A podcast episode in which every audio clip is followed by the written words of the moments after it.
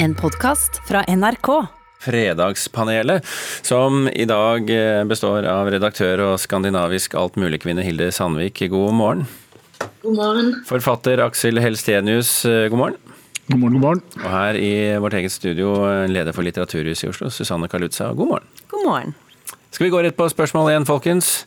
Bra, men ikke bra nok. Det er reaksjonen fra mange i kulturlivet etter at staten lanserte sine støtteordninger. Mange klager bl.a. på for lite penger i redningspakken. Så spørsmålet er, og vi kan begynne i den rekkefølgen vi sa god morgen, burde staten eh, bare åpnet krana på fullt? Nå åpnes alle stater kranen ekstremt Ja på fullt for eller nei, fru var, ja, det var Ja. ehm, nei. Elstenius? Nei. Kalusa? Ja. Hvorfor ja? Eh, fordi at det er helt nødvendig for at ikke kulturlivet vårt skal velte. Hvis vi skal være et land som fortsatt har kulturhus, litteraturhus, eh, utøvende kunstnere, lydfolk osv. også når dette er over, at hvis man ser verdien av det, av den kulturelle offentlige samtale, så er vi helt eh, avhengig av å slå litt på stortromma nå. Det er noe Norge har råd til. Pengene til kultur er småpenger i denne sammenhengen. Det er mulig å f.eks. øke uttaket fra det som vi før kalte oljefondet, som nå heter Statens pensjonsfond utland, i revidert statsbudsjett, noe jeg forventer at politikerne vil gjøre. Mm, Helstenius, du er ikke enig? Nei, altså Vi har jo akkurat hørt det. Alle peker, piler peker i en retning. At vi må ned i lønn og levestandard. og Det har vi jo ikke trent så mye på i det siste. Så tenker jeg også at vi lever i et samfunn hvor staten er til for oss innbyggere. I andre deler av verden så er det motsatt. Og nå er vi rett og slett nødt til å stole på at de vi har valgt til å lede oss, gjør det. At de kommer til å feile, at de kanskje har gjort det allerede, det er jo åpenbart. Eh, Men jeg tenker at eh, vi må bare tro, at de vil oss vel. Det, det tror jeg på. Og så tenker jeg også at vi må huske at denne, den som ikke er forvirret i en situasjon som denne, har jo ikke forstått situasjonen i det hele tatt. Så nå må vi bare stole på de vi har valgt. Sandvik, eh, det, det er småpenger i den store sammenhengen, sier Karl Utsa her. Ja, det kan, det kan du si at det er, men nå har jeg fulgt ganske mye med på Sverige og Danmark eksempel, og sett på hva gjør, hva gjør kulturministrene der. I Danmark så har de foreløpig gjort ingenting. Eh, I Sverige så har kulturministeren hatt møte med kulturarbeidere og sier vi skal snu hver stein, men det har ikke kommet noen penger på bordet der. Jeg tenker at vi lever fremdeles i en boble i Norge. Eh, Den bobla kan jo komme til å sprekke, og den norske krona sier noen ting om hvor eh, skjøre vi på mange måter er i øyeblikket. Eh, Jeg tenker at kultur nå er viktigere kanskje enn noensinne. Eh, og jeg vet vi skal diskutere det eh, utover i sendingen, men at en nå skal begynne å diskutere der organisasjoner skal stå mot organisasjoner. Jeg vet idretten har fått mer, de har én stemme. Kulturen kan aldri ha én stemme. Men jeg tror kulturfolk òg må heve blikket og tenke helt nytt. Både på måten vi organiserer oss på og tenker på. Ok, Kalutza, hev blikket nå. Eh, altså jeg er helt enig i at jeg tror at politikerne vil oss vel, men de eh, kan ikke ha oversikten over alt hele tiden. og Da trenger de å få innspill på hva som er bra i den krisepakka som er levert, og hva som kunne vært bedre, og som de trenger å ta tak i i tida framover. Det er den måten demokratiet vårt fungerer. Og jeg er veldig glad for at vi har en så framoverlent kulturminister som Abid Raja, som allerede har tatt viktige og store grep. Men vi er ikke i mål, dette er ikke nok. Vi hopper til neste tema. Nå handler jo alt om eh, korona, dette panelet selvsagt, men eh, tematikken litt annerledes. Nå som krisen er over oss, så er det jo en del som reagerer helt paradoksalt, egentlig. For som om ikke krisen var skremmende nok i seg selv, så strømmer folk nå til krisefilmer. Pandemifilmer, bøker om pest og kolera og dystopi. Vi oppsøker simpelthen dystopiske scenarioer som underholdning. Og da er vårt spørsmål, vi kan begynne med deg, Helstenius. Er det så veldig lurt, da? Ja. Samvik? Kan jeg si et tja? Ja, det kan du. Kalutza? Ja. Ja, hvorfor tvilte du, Hilde? Nei, altså jeg, jeg, jeg er helt overbevist om at pesten og lese Camus på nytt altså Det er mange ting her å lære, men for min del så må jeg bare innrømme at jeg binger sånn helt totalt ukompliserte ting som Suits på Netflix og sånn nå. Der du bare tenker at verden er, ser liksom glossy ut. Mm, du, har, du, trenger et sted å rømme til, du, med andre ord? Ja, jeg trenger, jeg, jeg trenger, å rømme i det. Og så vil jeg gjerne lese veldig god litteratur, men å se dystopiske filmer nå Jeg posta et bilde i går på Facebook som er sånn Denne episoden av Black Mirror, den liker jeg faktisk ikke. Jeg vil ikke ha den. Ja. Jeg tenker jo at Det er jo et eh, fint prinsipp at eh, kunsten også kan gi utløp for de store følelsene som mennesker bærer på, enten det er sinne eller sorg eller redsel. Eh, Aristoteles kalte det katarsis, og jeg tenker at i den grad folk dras mot det motsatte av det Hille Sandvik beskriver her, så er det nok den effekten som slår inn. Ehm, Litteraturhuset har delt noen eh, lesetips eh, til eh, gode, gode, råd i krisetider, men også til det Hilde ber om, som, som handler om å tenke på noe helt annet og koble ut, som jeg også tenker er veldig, veldig sunt.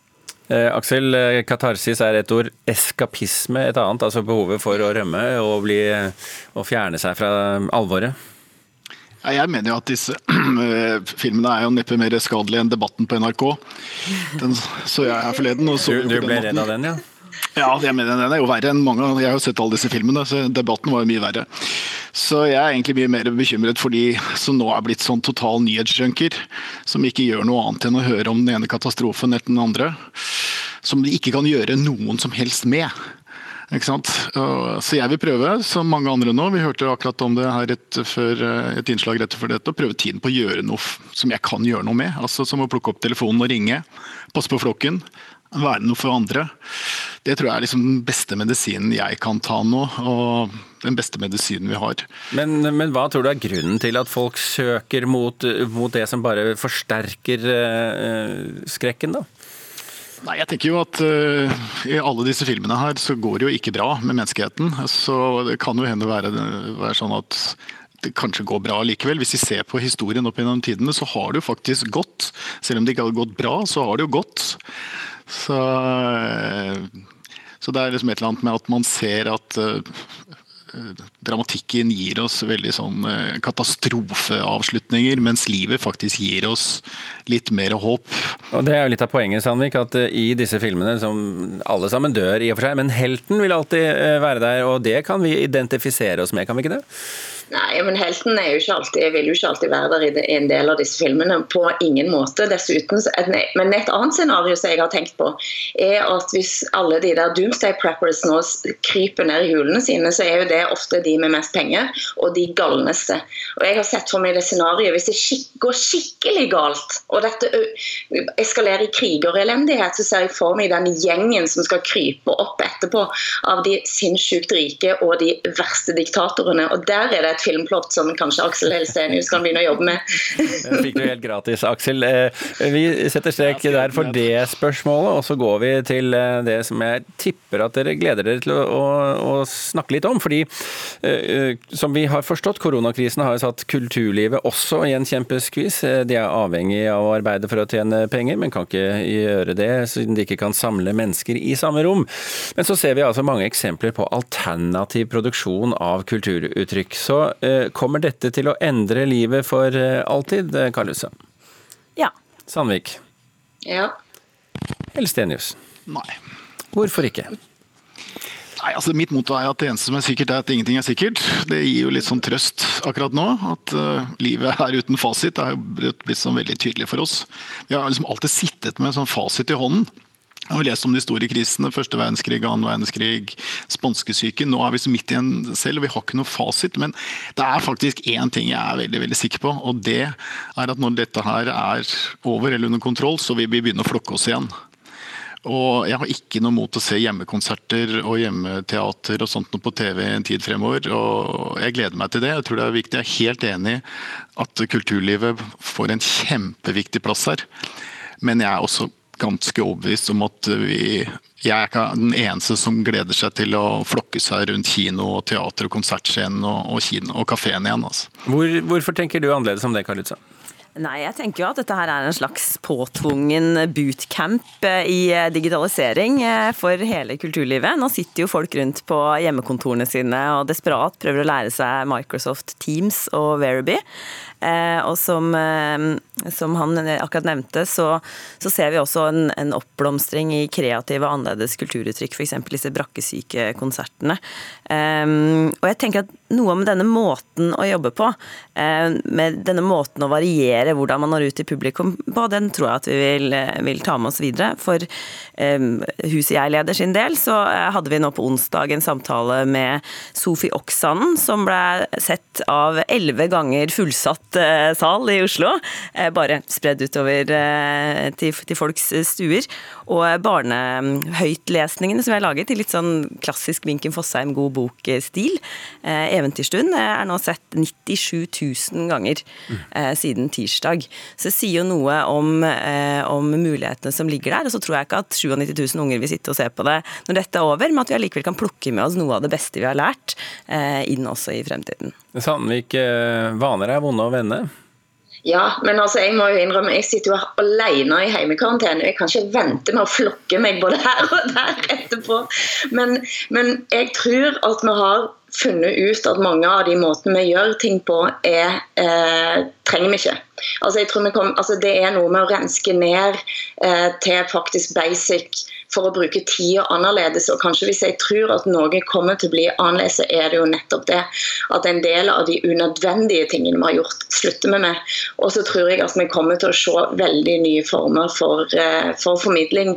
Eh, og, og jeg elsker jo òg at vi faktisk viser oss å være ganske framoverlent på det. Det skiller vi òg oss ifra f.eks. danske og svenske, som mm. ikke har på langt nær så mye initiativ eh, som det man har sett nå i diverse Facebook-grupper og, og, kulturhus i Norge. Og det er jeg faktisk litt stolt av i øyeblikket. Kort opp, uh, oppfølgingsspørsmål til uh, slutt. Kommer vi til å bli dritlei Netflix? Vi må, ikke, ikke knele nettet, det tenker jeg. Det vet I Europa så har en nå bedt eh, Netflix om å gå ned på båndbredde fordi at det er så mange som strømmer at det er i ferd med å knele nettet. Og det er min største angst, at internett går ned. Ja, for hva skjer da med TV-serien. Suits og eh, Hilde Sandvik? Nei, det er umulig å si, så vi får krysse fingre for at alt går bra uansett. Hilde Sandvik, Aksel Elstenius og Susanne Kalutza, takk for at dere var med og var dagens fredagspanel.